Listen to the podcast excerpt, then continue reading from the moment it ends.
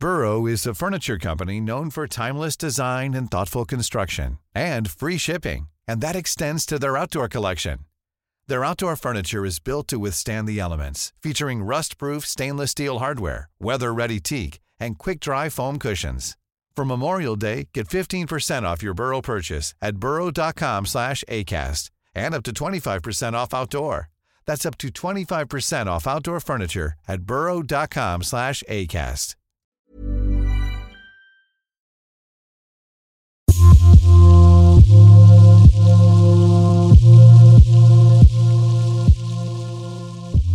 أهلا بكم في هذه الحلقة من البرلمان. البرلمان برنامج يأتيكم من صوت يهدف إلى إشراك جميع المواطنين في السياسات البرلمانية وتوصيل قضاياهم وهمومهم إلى ممثليهم في مجلس النواب. يطرح ممارسات ومواقف النواب للفحص والمساءلة الشعبية. في هذه الحلقة أكرر ترحيبي بكم. هذه تحيات فريق البرنامج. ونبدأ الحلقة.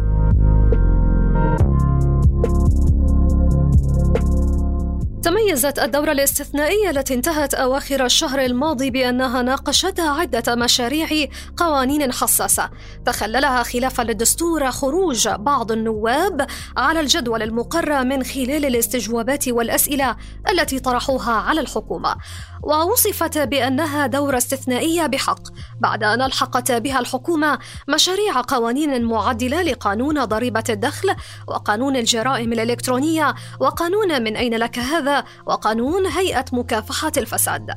ولقد كان كثير من الأردنيين يتوقعون أن يرد النواب كل هذه المشاريع للحكومة وخاصة مشروع قانون ضريبة الدخل المثير للجدل والتخوفات. لكن المجلس وخلافا لهذه التوقعات قبل هذه القوانين خلال جلسة واحدة وأحالها إلى لجانه المختصة ليصار إلى نقاشها في الدورة العادية التي بدأت فعلياً.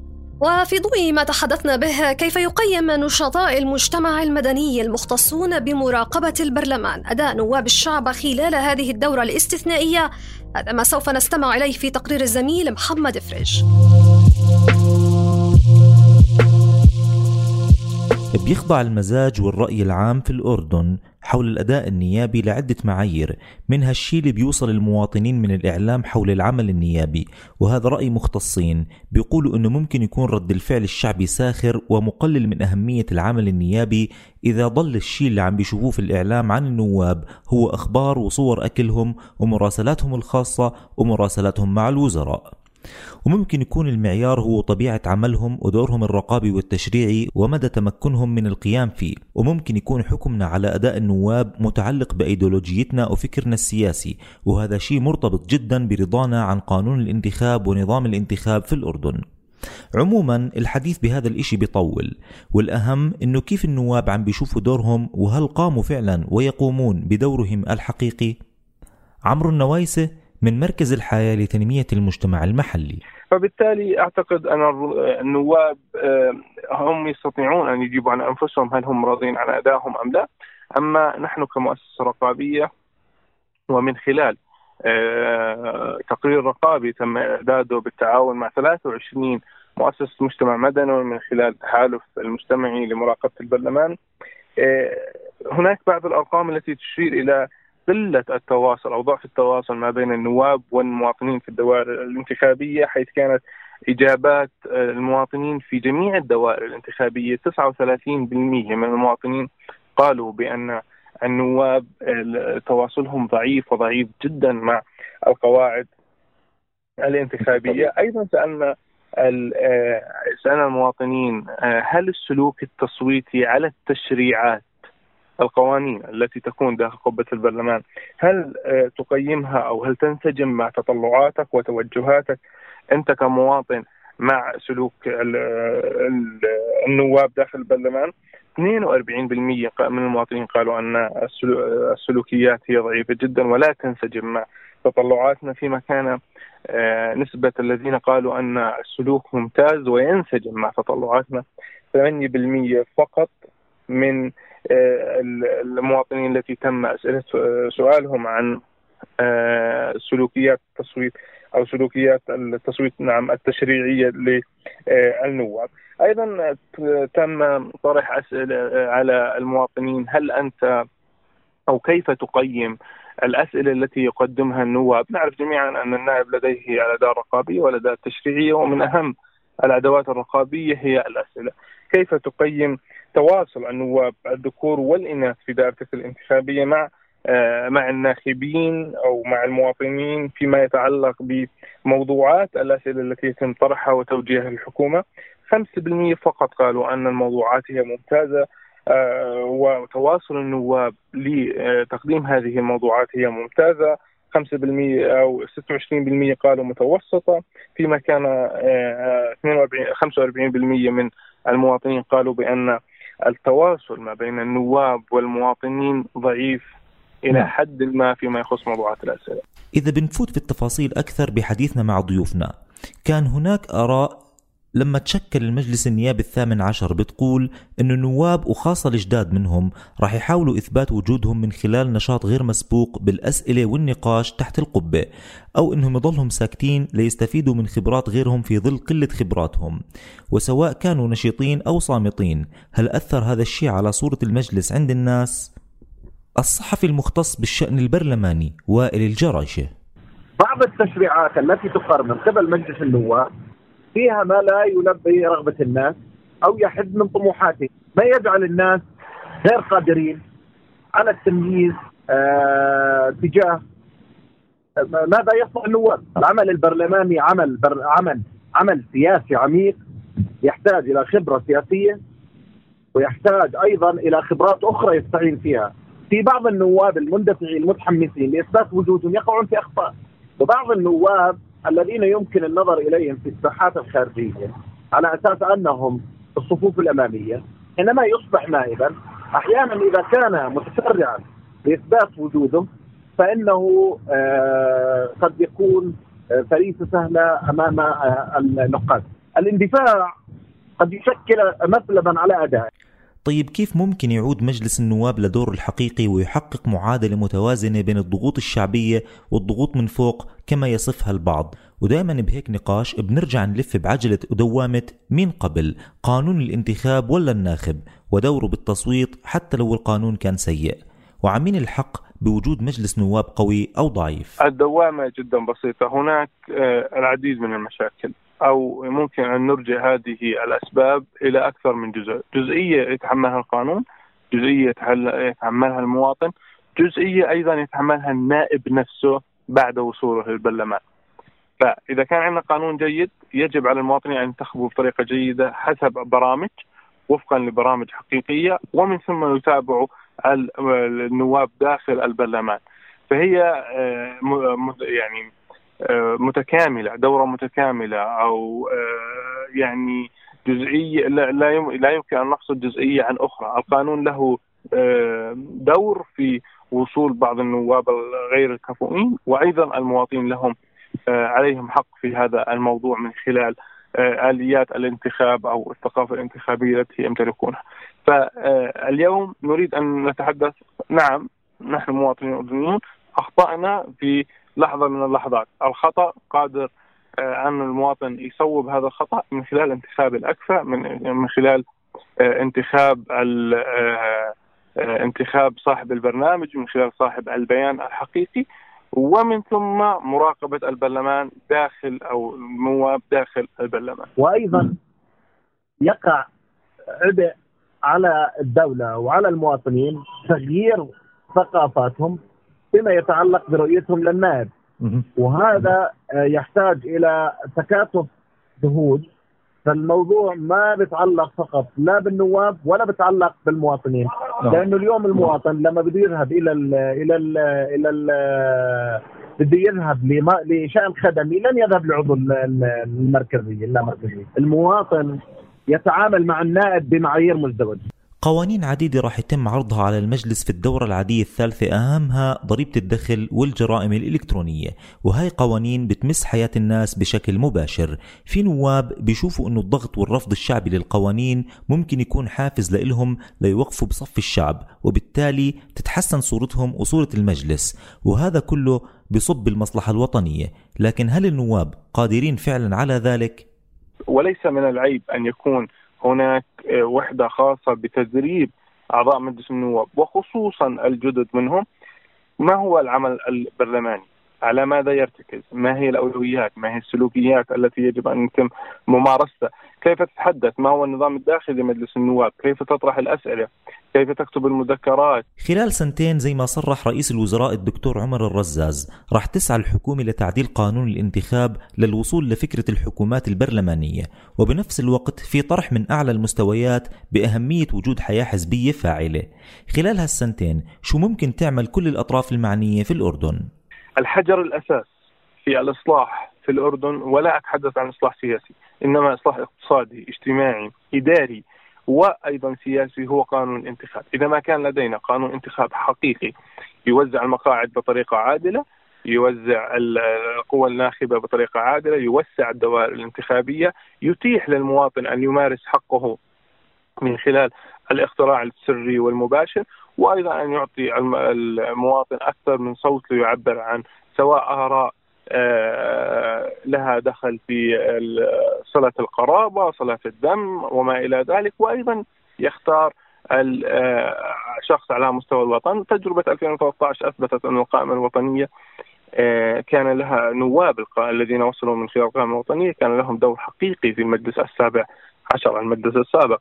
اليوم هناك حديث عن عودة القائمة الوطنية إذا ما تحدثنا عن آه، يعني شروع في آه، الحديث عن قانون انتخاب جديد حتى يكون هناك حوار عليه. وتحدث الحكومة حول ذلك.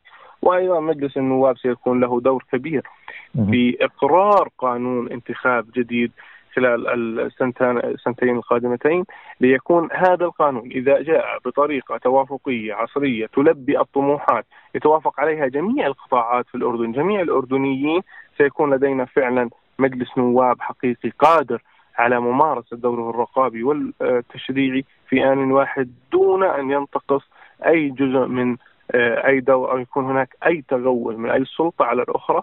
يكون إنما تمارس كل سلطة آه، المسار المناط بها أو الأعمال أو المهام المناطه بها المناطه بها بكل آه، بكامل حذافير. كان هذا حواري للحلقه الرابعة من برنامج البرلمان عبر منصة صوت وبنرجع بالمايك للزميلة هبة عبيدات.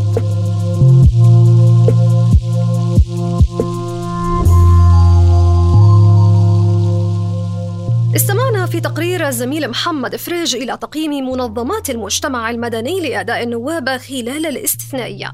لكن ماذا يقول النواب أنفسهم عن هذا الأداء؟ وكيف ينظرون إلى ما تحقق خلالها؟ في مقر مجلس النواب التقينا النائب عن كتلة الإصلاح ديما طهبو شهدت الدورة العادية الثانية لمجلس الأمة الثامن عشر عقد دورتين استثنائيتين. الأولى عقدت في شهر تموز للعام الجاري. كان من أبرز منجزاتها مناقشة الثقة بحكومة عمر الرزاز. فيما عقدت الدورة الاستثنائية الثانية في مطلع شهر أيلول الماضي.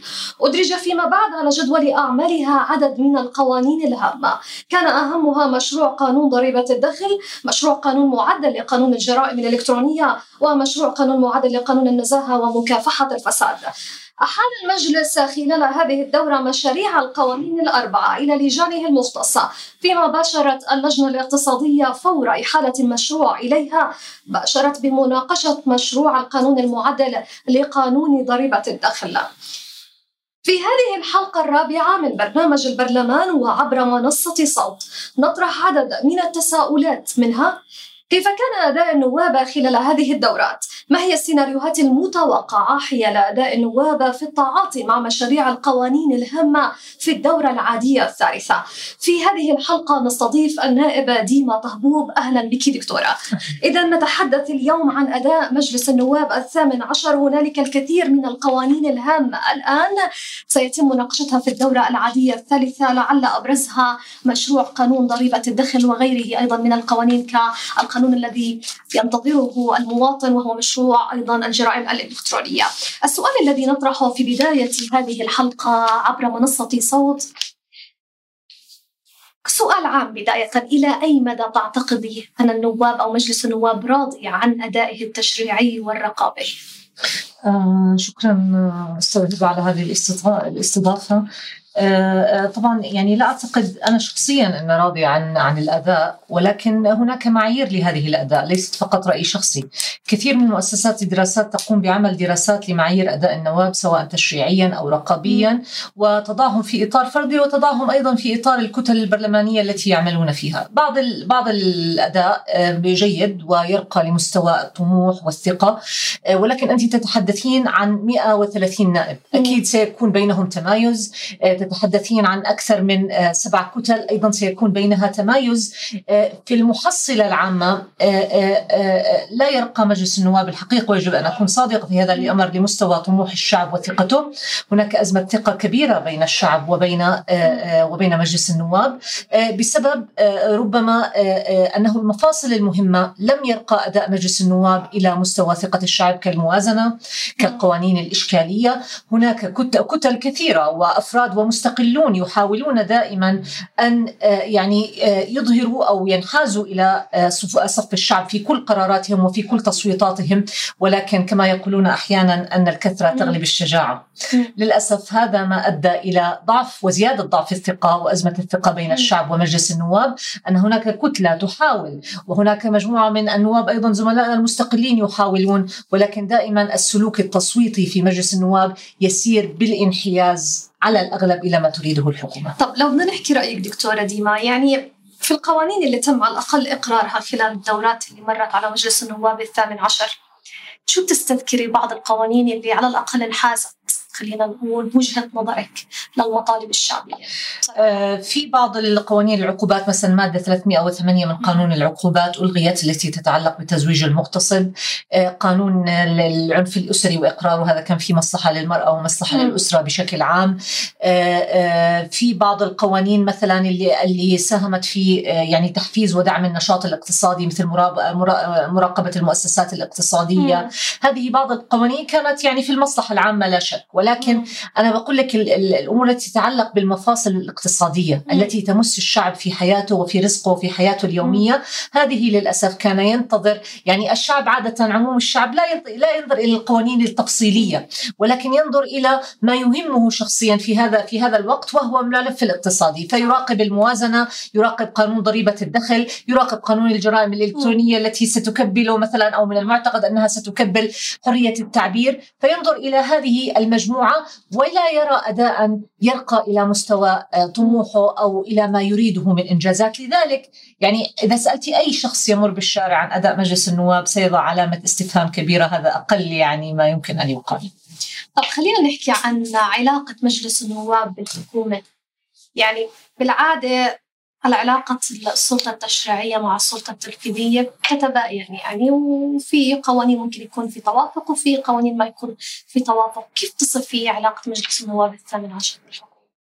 أه يعني أه تتأرجح الحقيقة ويعني لا شك أن بعض اللجان النيابية عندما تعرض عليها قوانين تبذل جهد ملحوظ وتتحاول أن تتواصل مع الجهات التي لها علاقة مباشرة بهذا القانون، يعني لأضرب لك مثال في قانون الجرائم الإلكترونية تم استضافة آه، نقابة الصحفيين، تم استضافة المجلس الأعلى لحقوق الإنسان وهكذا الجهات المعنية في آه، في هذا القانون، فلا شك أنه حتى في قانون ضريبة الدخل هناك لقاءات موسعة بالقطاعات المختلفة المتأثرة بهذا القانون، يعني أحيانا هناك انحياز إلى جانب المصلحة العامة ومصلحة الشعب، وأين نائب لا يريد أن تكتب في سجله أنك يعني كنت المسؤول عن هذه المصيبة التي التي لحقت بالشعب. آه، أنا ما أراه الحقيقة. أن العلاقة يعني مش لازم تكون كما يقال تشاركية ولكن يجب أن تكون هي رقابية وتنفيذية، أنا دوري أن أراقب الحكومة وليس أن أتشارك معها، أنا. أتشارك وأساعدها ما دامت هي على الخط، ما دامت يعني منحناها الانجازي في تصاعد، ولكن ليس هدفي أن أكون دائما تشاركية مع الحكومة، أنا هدفي الحكومة هي تقدم القوانين من وجهة نظرها. مما تراه مناسبا هي ودور السلطة التنفيذية أنت أيضا تقوم وتجود هذه القوانين بما يتفق أيضا مع مصلحة الشعب الذي تمثله بالضرورة. خلينا نحكي مثال. ليش أنا ضربت هذا السؤال؟ بالعادة تكون في سيناريوهات عديدة لتمرير بعض القوانين فبتكون يعني يقال أحيانا أن الحكومة ستدرج بعض القوانين التي تهم مجلس النواب وبالتالي لتمرير قانون آخر وهكذا نعم. أحد السيناريوهات التي تم طرحها مؤخرا بين عدد من المحللين والمختصين في الشأن النيابي بأنه يعني تم أيضا طرح قانون الجرائم الإلكترونية حتى يرضي مجلس النواب وبالتالي يمر قانون مشروع قانون ضريبة الدخل. إلى أي مدى تعتقدي أن فعلا أحيانا السلطة التشريعية والسلطة التنفيذية تستخدم هذه الطرق أو هذه الأدوات لتبرير بعض القوانين؟ نعم أنا أنا كنت من الذين حضروا الجلسات التي لها علاقة بالجرائم الإلكترونية ودافعنا عن بعض الأمور التي تخص عموم الشعب فيما يتعلق بتجريم آه، خطاب الكراهية وتوقيف الصحفيين وما إلى ذلك. هلأ الأسباب الموجبة للقانون فيها بعض النقاط الإيجابية جدا التي تتعلق بتجريم التحرش الجنسي عبر وسائل التواصل التي تتعلق بتجريم القرصنة التي تتعلق بتجريم الابتزاز وما إلى ذلك. هذه يعني آه، آه، أمور آه، جيدة ستساهم. يعني أنت بتتحدثي عن مستوى جرائم إلكتروني يعني سجلت شكاوى. يعني بأرقام خيالية بينما مثلا في 2015 كان هناك أربع إلى خمس شكاوى. فايضا هذا السجل يعطيك إنه في مشكلة اجتماعية ولكن إحنا كنا بجانب أن لا يخلط السم بالدسم.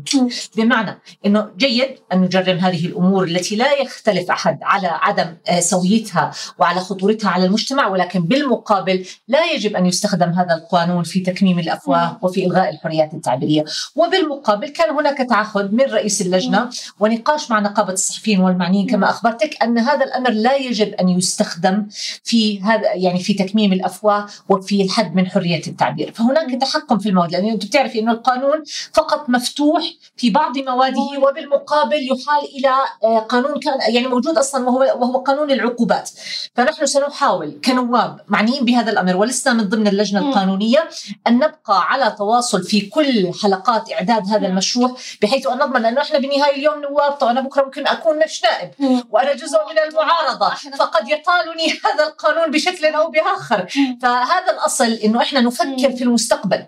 آه، آه، هذا مجلس النواب ليس دائم والمناصب السياسية ليست دائمة. أنت مواطن بالدرجة الأولى وأشياء أخرى منها أن تكون نائبا بالدرجة الثانية. فأنت يجب أن تفكر كمواطن وتلبس في هذا القانون بالذات طاقية المواطن أو مواطن أو عقلية المواطن. أنك إذا أنت تكلمت يعني أنا مثلا سألتهم طب أنا بدي والله آه، آه، أنتقد الكيان الصهيوني. وهذا من حقي. والشعب بالرغم من أن الحكومات وقعت معاهدة السلام أن الشعب الأردني لو استفتيته في معظمه سيظل رافض بالتطبيع مع الكيان الصهيوني.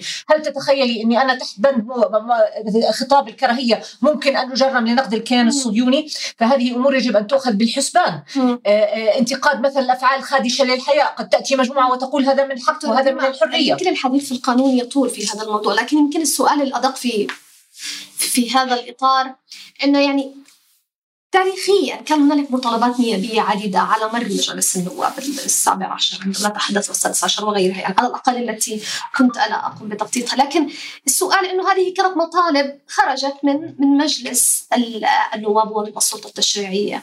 آه، وبالتالي آه، السؤال الذي يطرح هل تم إدخال هذا القانون مع قانون الضريبة حتى يتم إرضاء النواب مثلا أو بعض النواب حتى يتم تمرير ضريبة الدخل؟ سيدتي الصفقات السياسية موجودة في كل مكان إن صح التعبير. ولكن هذا ليس بالضرورة. أنا أتحدث إني أريد نواب على مستوى المسؤولية وأن يتغير قانون الانتخاب وقانون الأحزاب بالضرورة حتى ينتج نواب لا يعني لا لا, لا, لا, لا يقومون بهذه الصفقات السياسية. هذا الحكي اللي يمكن بتحكيه وارد في الأردن وفي كل العالم قد يكون. ولكن كما قلت لك ستبقى هناك مجموعة من النواب سواء ككتل أو مستقلين ما زالوا يدافعون عن حق الشعب. في هذا القانون وليس عن مسؤولياتهم الشخصية، أنا عندما تحدثت في كلمتي قلت حتى مستوى النواب على مستوى أدائه السياسي وليس على مستوى أخرى، أنا مع حفظ الحرية الشخصية حتى للشخصية العامة، هناك حياة شخصية، هناك حتى في قانون العقوبات هناك جرائم قدح وذم هذه مجرمة، لا يختلف لا يختلف عليها أحد، ولكن أداء السلطة السياسية يجب أن يكون تحت المجهر كسلطة سياسية، ادائنا كنواب يجب أن تكون تحت المجهر. ليس بمعزل عن النقد كأداء سياسي، فهذا يجب أن يكون معروف للجميع وهذا ما نقوله ولا نبالي حقيقة بأن تكون هناك صفقة سياسية مع الجميع. هذا قد ينطبق على قانون الجرائم الإلكترونية وأي قوانين أخرى. المالكين والمستأجرين القوانين التي لها علاقة لها علاقة بالنشاط الاقتصادي هناك نواب لهم علاقة بالنشاط الاقتصادي. قد يكونون مستفيدين بطريقة أو بأخرى. فإحنا ما يعنينا إنه إحنا نكون واضحين في رسالتنا مع الحكومة أن لسنا تحت أي ضغط سياسي. ولذلك كمبدأ رفضنا مثلا ككتلة إصلاح قانون الجرائم الإلكترونية وقلنا أنه مغطى أصلا بمظله سابقه وهي قانون العقوبات فليس هناك حاجة حاجة له. ويجب أن تكونوا واضحين مع الشعب إذا كان هناك في حاجة كما شرح لنا فيما بعد أنه في جرائم ابتزاز وإلى آخره ليست مغطاه بمظلة قانون العقوبات فهذا أمر آخر. ولكن سيدتي حتى أكون معك صريحة في كل صريحة في كل العالم هناك صفقات سياسية. هنا يبقى مربط الفرس والكرة في ملعب النواب أن يثبتوا أنهم منحازون للشعب وليس منحازون لشخصياتهم التي هي ليست فوق النقد. عندما يتعلق الأمر بأدائهم السياسي وليس بأشياء أخرى. من ليس لديه شيء يخاف عنه ليس لدي لا يحتاج إلى قانون ليدافع عنه. طب آخر آخر محور يمكن في في هذه المقابلة ودرينا نطلنا عليك. في موضوع الانتخاب انتخاب رئيس مجلس النواب، نحن نعلم إنه يعني وفق الدستور صار في عندنا دورتين عاديه بيتم انتخاب آه، خلالهم رئيس مجلس النواب، الدورة الآن نحن أمام دورة عادية ثالثة وبالتالي هنالك انتخاب رئيس مجلس النواب. هل لكتلة الإصلاح أي بوادر لترشيح أحد أعضائها كرئيس آه، لمجلس النواب ومن جدوى برأيك؟ نعم. آه، منذ أسبوعين أعلنا عن ترشيح رئيس كتلة الإصلاح الدكتور عبد الله العكايلة لمنصب رئيس مجلس النواب أو انتخابات المكتب الدائم. وهذا الحقيقة هي المرة الثانية التي نرشح الدكتور عبد الله العكايلة. رشحناه أيضا في الدورة العادية الأولى في بداية مجلس النواب. وتعلمين ويعلم الجميع الخبرة السياسية التي يملكها الدكتور عبد الله العكايلة فهو من أقدم النواب في مجلس النواب وكان سيكون رئيس السن عند افتتاح الدورة لولا أنه آه، يعني آه، كان مرشحا للانتخابات وهو آه، يعني معالي وزير سابق ويعني من أكثر وعضو مجلس أعيان فهو يملك من الخبرة السياسية الواسعة حتى يكون يعني مرشح لهذا المنصب هذا أولا وثانيا هي قضية مبدئية لدى كتلة الإصلاح. لتحريك عجلة التغيير الكل يطالب بتغيير مجلس النواب باستعادة الثقة بإعادة الهيبة إلى مجلس النواب فمجلس فكتلة الإصلاح تتماهى مع هذه المطالبات سواء كانت على مستوى مجلس النواب أو على مستوى الشعب وتطرح مرشحا لهذا الأمر. وتضع النواب أمام خياراتهم، الكل ينادي بالتغيير ولكن من هو مستعد أن يدفع كلفة التغيير؟ كلفة التغيير ليست سهلة، أنت بتتحدثي عن آه، ربما يعني نظام استقر لمدة عدة سنوات، أحيانا الناس يطمئنون أيضا إلى عدم التغيير، ولكن نحن في ظرف سياسي، في ظرف اقتصادي، في ظرف أيضا أزمة ثقة كما قلت لك بين الشعب والنواب، فهناك الكثير من المطالبات أن يتم تغيير شكل مجلس النواب، آه، استعادة ربما هيبة مجلس النواب، هذه كلها شعارات مطروحة ويعني اهداف تغيير في فرص في, فرص. آه، سيدتي إحنا لا نتعامل مع بورصة. في التغيير السياسي لا تتعامل مع بورصة أرقام ارتفعت الأسهم أو انخفضت الأسهم. أنت في تغييرك السياسي يجب أن تكون إنسان مبدئي. تتعامل أن الآن أنا أقدم نفسي و أضع الناس عند آه، آه، عند يعني مسؤولياتهم من يريد التغيير فهذا هينا طرحنا التغيير. ويعني يعني قدمنا مرشح. والبعض يقول لنا حتى أنتم قدمتوا تضحية وليس فقط مرشح. ولكن نحن نطرح أنفسنا وسنطرح أنفسنا بعد انتهاء مجلس النواب. وفي كل دورة نقدم الخيار. للنواب لمن يشتكون أن الأمر وصل يعني إلى حده ويجب التغيير وما إلى ذلك سنطرح أنفسنا. لا نتعامل بالأرقام الحقيقة وإن كنا ككتله الآن نتصل بالجميع. لم نبقي نواب. احضرنا كشف أسماء النواب. من نعتقد أنهم معنا ومن نعتقد أنهم ضدنا وما إلى ذلك. وتواصلنا مع الجميع وتواصلنا مع الكتل وعقدنا أو طرحنا بعض الصفقات على مواقع المكتب الدائم الآخر. مثلا تعطونا الرئيس نعطيكم أو نتعاون معكم في مساعد الرئيس أو في آه، آه، النواب نواب الرئيس وهكذا.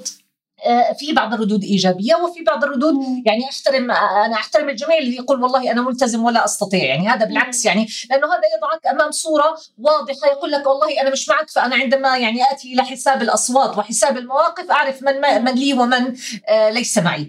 فهذا جدا مهم فإحنا مش بس طارحين والله ويعني جلسنا وقلنا آه، إحنا فقط يعني طارحين المرشح ومن يريد ينتخب لا إحنا ندخل في هذا الجو السياسي في جو العقد الصفقات السياسية مع الكتل بترشيح وبدعم الآخرين وما إلى ذلك. يعني حتى نبين أن إحنا جادين الحقيقة في طرحنا وليس مجرد طرح لذر الرماد في العيون وأن نقول نحن موجودون ولكم الخيار طب آخر سؤال أيضا في هذا السياق ومهم يمكن يعرف المواطن شو أهمية انتخاب رئيس مجلس النواب للمواطن؟ يعني لماذا على المواطن متابعة؟ نعم. أهمية انتخاب ماذا يعني على أرض الواقع؟ الحقيقة يعني طبعا ال ال ال الأشياء كما تعرف آه، يعني بمكونها الجماعي أيضا تعرف برأسها. رأس الهرم مهم كما هي قاعدة الهرم مهمة.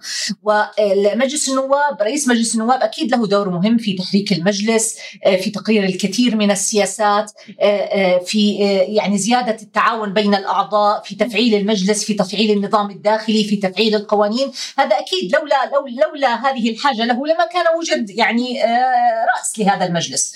آه، آه، فال يعني أكيد أن رئيس مجلس النواب له أهمية كبيرة هو أيضا لا تنسي يمثل حتى على المستوى الداخلي وعلى المستوى الخارجي رأس لهذه السلطة التشريعية التي تمثل وجه الأردن. يعني عادة السلطات التشريعية في البلاد الديمقراطية والمحترمة هي مثال لما يعني للديمقراطية في ذلك البلد. فبالتالي يعني احترام السلطة التشريعية يمثل أو يمثل رأس هذا الهرم وهو رئيس مجلس النواب. وهو مهم وجوده وما يمثله من أبعاد رمزية وأبعاد سياسية وأبعاد تشريعية أكيد مهم. فلذلك دائما يعني في في في هذا التنافس على يعني رئاسة مجلس النواب وعلى تقديم مرشح لمجلس النواب ونحن جزء من هذا المناخ العام وهذا التوجه العام في مجلس النواب. لذلك في المرتين وإن كانت المرة لا تتخيلي أنه على أي شخص أن يعني آه، أن يخسر هذا أمر أمر سهل. ولكن ما زلنا نطرح أنفسنا ونقدم أنفسنا منذ البداية كما قدمنا أنفسنا في الانتخابات النيابية والبلدية واللامركزية. نحن مستعدون أن نقدم أنفسنا كخيار بديل وطني محترم. حتى آخر الهرم للمرة الأولى وللمرة العاشرة. شكرا لك نائبة دكتورة ديما طهبوب على هذه آه، الفرصة التي كنا نناقش خلالها أداء مجلس النواب الثامن عشر. عبر منصة صوت كونوا معنا في العاشرة والنصف مع النائب مشحم أرسكور لاستكمال هذه الحلقة. وننتقل الآن لحوارنا مع النائب مشحم الزغور رئيس كتلة العدالة النيابية. ما هو تقييمك حول أداء مجلس النواب الثامن عشر خلال الدورة العادية الثانية؟ آه، أولا صباح الخير. يعني آه، للأمانة كان يعني جهود مميزة لمجلس النواب وكان جهود تشريعية ورقابية أيضا وكان آه، المجلس دائما أصحاب السعادة الزملاء. يسعى للتطوير التشريعي وأداء المجلس ورفع كفاءة مجلس النواب. آه كما تعرفين كما آه المجلس دائما يحاول أن يكون شراكه حقيقية مع الحكومة لكن بكل أسف لم تترجم هذه الشراكة. بمعنى آه كان شغلنا الشاغل وشغل الوطن هو قانون ضريبة الدخل. وكما تعرفين ويعرف الزملاء بأن حكومة هان ملقي استقالت أو تم ترحيلها بناء على هذا القانون مطلب شعبي كبير وكان هناك رأي أنا كرئيس كتلة العدالة النيابية آه، بالفعل أنا خالفت هذا القانون وكان موقف كتلة العدالة برد القانون لأنه آه، يعني قانون مجحف قانون يكون يضغط على كافة فئات المجتمع آه، البارحة آه، تلقيت دعوة من آه، رؤساء المعنيين في الاتحادات في قطاع الزراعة واجتمعنا مع اللجنة الاقتصادية البارحة. وكان رئيس الاتحاد العام ونقيب المهندسين والمصدرين وكافة المعنيين في قطاع الزراعة حول الضريبة المفروضة على قطاع الزراعة.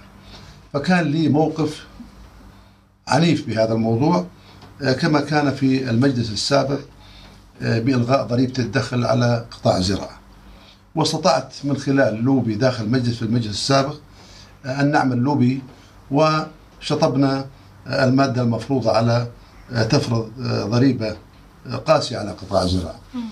البارحة تكرر نفس السيناريو وكان بحضور ممثلين عن خمس كتل برلمانية داخل اللقاء. وعندما أنهيت حديثي وكنت جاد بهذا الموضوع بأنه أنا لن أكون بفرض أي ضريبة على قطاع الزراعة أولا كما في قطاعات أخرى سيكون لنا حديث آخر على هذه القطاعات. فأجمعوا زملائنا الكتل الموجودة بدعم حديثي وموافقة على طرحه مع اللجنة المالية. أنا بعتقد كان لوبي كان البارحة قوي جدا وانسجم حديثي مع حتى يعني أنت راضي مبدئيا عن أداء مجلس النواب؟ أنا راضي طبعا لكن نتمنى أن يكون آه، في الأيام القادمة دورة عادية. ستكون هناك المزيد من التشريعات سيكون مزيد من آه، الإجراءات لكن مجلس النواب في الدورة العادية سيكون مجلس آه، يكون مختلف حقيقة لأنه على ضوء الوضع الاقتصادي السياسي وكما تعرفين بصفقة القرن وغيرها. في وكما تعرفين بأنه الآن في ضغوط سياسية هائلة على الأردن ونحن الآن في عقوبات سياسية من الدول الخارجية آه، وبكل أسف دول عربية آه، أجنبية لأن خلينا خلينا آه. نتحدث حول أداء مجلس النواب. وأنا يعني استشفيت من طريقة كلامك أنه العلاقة ما بين السلطة التشريعية والتنفيذية مش ولا بد يعني يعني, يعني كنا نتمنى أن تكون طيبة لكن أنا بعتقد أنه حتى في تشكيل الحكومة السابقة هناك كان مشاورات مع رؤساء الكتل لكن أنا بعتقد آه، يعني آه، الرئيس آه، الصديق عمر رزاز لم يلتزم بحديثه أمام الكتل في موضوع تشكيلة الحكومة. وكما تعرفين كان في حديث أثناء الثقة بحكومة الرزاز كان مد وجزر في مجلس النواب. وهناك من حجب وهناك من منح وهناك من امتنع لاعتبارات. نتمنى في تعديل اليوم وزاري شو اليوم في تعديل وزاري وبعتقد إنه الساعة 12 يمكن في قسم. مم. أتمنى أن يكونوا هذول الوزراء الجدد على قدر المسؤولية. مم. أتمنى أن يكونوا على قدر المسؤولية. وكما يراد بكتاب التكليف السامي أن يكونوا بالميدان وأن يكونوا مم. أصحاب قرار. أنا ذكرت البارحة في الاجتماع عندما كان في أحد وزراء الزراعة وكان مقتنع في مطالب المزارعين. وقال انه الرئيس قلت له الأولى انه الوزير آن الأوان أن الوزير يفرض رأيه على مجلس الوزراء أو يقدم استقالته. أنا هذا وجهة نظري كبرلماني سابق ويمكن هذه الدورة السادسة في مجلس النواب. أنا بعتقد أنه حتى الوزراء أن يكون صاحب قرار ويمتثل لأوامر الميدان وإشراك الناس المعنيين حتى في رسم السياسات منها الزراعية وغيرها. هذا وجهة نظرنا اتضحت ملامح التعديل بالنسبة لك؟ أتصور أنه يعني اجرينا اتصال قبل قليل مع أحد الزملاء سمعنا إشاعات فبعتقد يمكن الساعة 12 اليوم في قسم يمكن كم وزارة أمام جلالة الملك. والله لا أعرف كم وزير لكن هناك دمج. بعض الوزارات يمكن منها التربية والتعليم والتعليم العالي. أعتقد إنه وزارة مم. واحدة والبيئة يمكن يعني فيها كم وزارات في في دمج تم دمجها. آه. هاي بتعتبرها خطوة جيدة بالنسبة للسلطه يعني أنا بعتقد في وزارات يعني هي بالأصل كانت هي دوائر في بعض. يعني مثلا كانت دائرة وزارة البيئة هي دائرة في وزارة البلدية دائرة. فلكن هناك في متطلبات خارجية. آه يعني أن يكون هناك آه يعني وزارة بيئة ويعني آه إذا كان هناك مصلحة. لكن أنا بعتقد إنه أنه أنا ضد دمج وزارة المياه مع الزراعه لأنه أعتقد أنه يمكن وزارة المياه في عندها ثلاث امناء عامين وأيضا وزارة الزراعة في عندها الأقراض الزراعي رئيس مجلس إدارة هو وزير الزراعة ومدير عام البحوث. يعني في بعتقد يمكن هذول الوزارتين مهمات أن يكون في فصل بينهم لاعتبارات كثيرة. آه لكن في بعض وزارات صغيرة فليكن دمجها يعني بالعكس يعني آه يعني آه إذا كان هناك توفير على خزينة الدولة ويكون في منطق حتى في الدمج آه، فليكن. هذا على صعيد السلطة التنفيذية. على الصعيد السلطة التشريعية أيضا في عندنا انتخابات لرئيس مجلس النواب في الدورة العادية الثالثة هل سيكون هنالك تغيير أيضا في آه، في الواقع أنه الأسماء الانتخاب؟ لا في الواقع كان في زملاء يعني آه، قبل يمكن أسبوعين كان هناك وليد التيار التغيير وهناك في تيار أيضا تيار التجديد للرئيس الحالي. فلذلك يعني إحنا ككتل نيابية الآن هناك في لقاءات مكثفة. انطلب مني أنا كرئيس كتلة مع لقاء مع كتلة العدالة وأنا حقيقة يعني أمثل زملائي وأطلعهم في كل التفاصيل كل يوم آه، بما يجري من من حوار مع آه، المترشحين حقيقة من الرئيس ونواب الرئيس آه، لغاية هذا اليوم أنا بعتقد إنه يعني الآن حسب معلوماتي إنه في صفة الأمور المسألة بين مرشحين اثنين لم يكن في مرشح ثالث إلا إذا ظهر اليوم أو غدا يعني لا أعرف آه، هو مرشح الإص- آه، آه، آه، كتلة الإصلاح اللي هو الدكتور عبد الله عكايرة يمكن والزميل عاطف الطراونة آه، عن عن كتلة وطن. هذا اللي إحنا نعرفه لغاية اللحظة هاي. آه، إحنا نرحب يعني أي كتلة تطلب لقاء من كتلة العدالة جاهزين نستمع منهم. وهذا عمل برلماني كما تعرفين إنه إحنا في عندنا عمل برلماني صدورنا مفتوحة للجميع وكلهم زملاء آه، الذي يتسارع للأفضل لخدمة آه، التشريع ومجلس النواب والحفاظ على مقدرات الوطن. ونحارب خاصة في هذه المرحلة الحساسة نحارب مسألة الفساد والفاسدين. أنا بعتقد خطوة مهمة جدا. انتخاب أيضا أو تشكيل اللجان الدائمة في مجلس النواب مع بداية الدورة. خلينا نحكي شوي نشرح للمواطن إلى أي مدى يعني لماذا هي تعتبر هذه الانتخابات سواء رئيس مجلس النواب أو اللجان ال- الدائمة مهمه بالنسبة لمجلس النواب؟ يعني آه، للأمانة إنه صار في نهج عندنا في مجلس النواب إنه نترك اللجان للمختصين وهذا عمل برلماني يعني أنا آه، يعني مثلا القانونيين عندنا شباب آه، محترمين هم اللي- اللجنة القانونية. لأنه كما تعرفين بأن مطبخ مجلس النواب هي اللجنة القانونية حقيقة. في لجان مختصة. هناك من عمل في الأمور المالية من زملائنا يكونوا في اللجنة المالية والاقتصادية. وأيضا آه، في ناس خدموا في موضوع النقابات. هناك عمل لجان العمل والتنمية. آه، في هناك الزراعة والمياه. بعتقد يعني كل إنسان بتصور صار واضح لدى مجلس النواب. يعني آه، آه، هالشباب اللي عندنا المعنيين. آه، كل إنسان يعني أصبح معروف. مثلا زميلنا محمد حسني معروف إنه هذا عمله بالصحافة وصحفي مخضرم آه، يعني هذا فليكن في لجنة الإعلام مثلا. يعني فأنا هذا المثال أعطيته مثال حي لأنه إحنا آه، أعتقد إنه نرتقي للعمل التشريعي. هذا هو الأفضل ليكون هناك في قرارات مدروسة جيدة. وكما تعرفين بأنه اللجان هي مطبخ مجلس النواب والمجلس يصوت على. قرارات اللجنة لأنه هم المعنيين بمطبخ القرارات. يعني بالعادة بيتم أحيانا القانون اللي بيطلع من اللجنة ال- ال- المختصة. عادة بقدر أحكي إنه مجلس النواب يذهب إلى ما خرجت به اللجنة. يعني 90% يكون لأنه إحنا نثق بزملائنا اثنين ويكون حوار على القانون من يريد الحضور في مناقشة إضافة أو شطب أي بند آه، قبل أن يكون حضوره إلى مجلس النواب. هي بالنتيجة مطبخ المجلس يكون هناك جاهز ويتم تعديلات بسيطة على آه، يعني بعض المواد أو النقاط أو هذا عملنا في مجلس النواب. طب في آخر سؤال ممكن نطرحه في هذه أيضا الحلقة. هنالك عدد من القوانين الهامة بانتظار مجلس النواب في الدورة العادية الثالثة ويمكن أحيل بعضها إلى اللجان المختصة.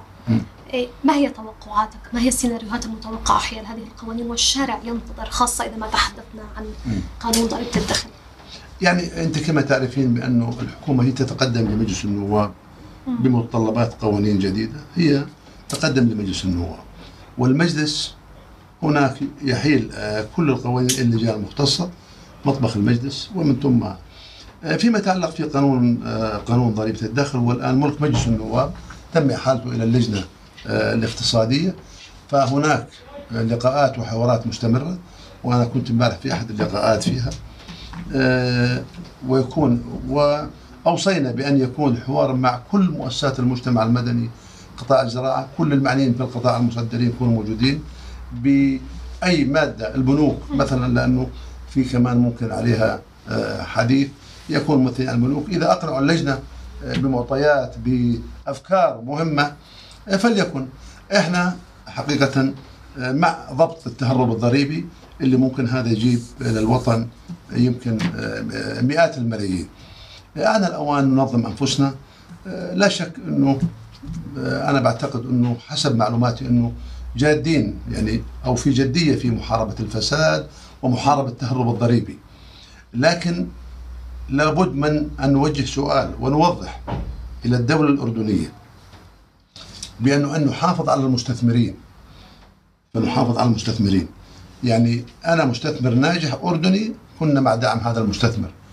آه وأن يكون في ضبط للمتهربين. أنا لا أقول أنا مع ضبط التهرب الضريبي. يعني أنت عندك في دول زي أمريكا تفرض عشرات مئات الألاف على المتهربين الضريبيين وتصل للحبس حقيقة. فخلينا نعمل خطوة نهج جميل وبالنهاية هي طبعا تعود. يعني هذه الأموال هي لخدمة الشعب والوطن. وكما تعرفين بأنه إحنا الآن بنمر بضائقة مالية قاسية كما ذكرت سابقا بأن هناك عقاب سياسي للأردن لمواقفه التاريخية. هناك في قرارات ينتظرها الشارع أو إشاعات كثيرة دائما. يعني آه، نتأمل نتأمل أن يكون هذا الوطن يعني آه، محمي إن شاء الله بشبابه وقيادته وأبنائه المخلصين. شكرا لك. النائب مشحم آل السطور إذا كنا نتحدث اليوم في حلقة البرلمان عن أداء مجلس النواب الثامن عشر والسيناريوهات المتوقعة مع بداية الدورة العادية الثالثة منتصف الشهر الجاري. هذه تحيات فريق البرنامج. إلى اللقاء.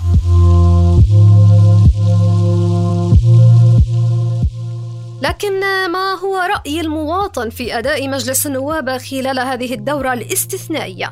هل هو راض عن هذا الأداء أم ساخط؟ هذا ما سوف يطلعنا عليه استطلاع الزميل محمد فريج لآراء الناس في الشارع.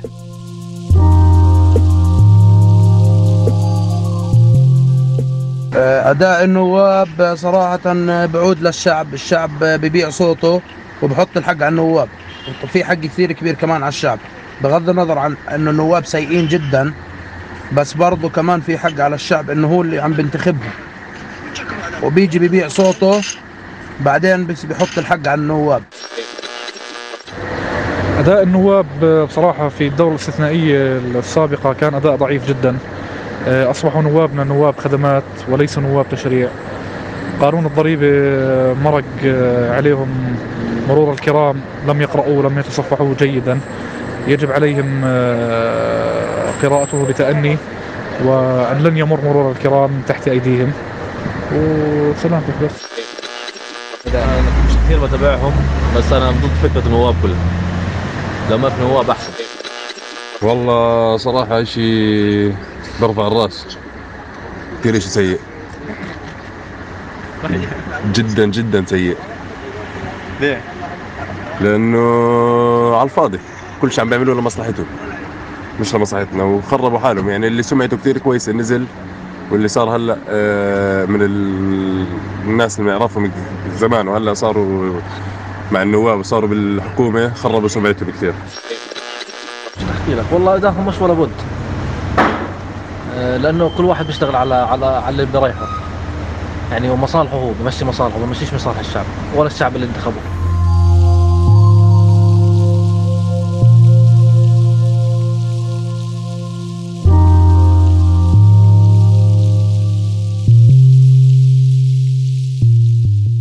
وفي الختام لكم تحيات فريق البرنامج.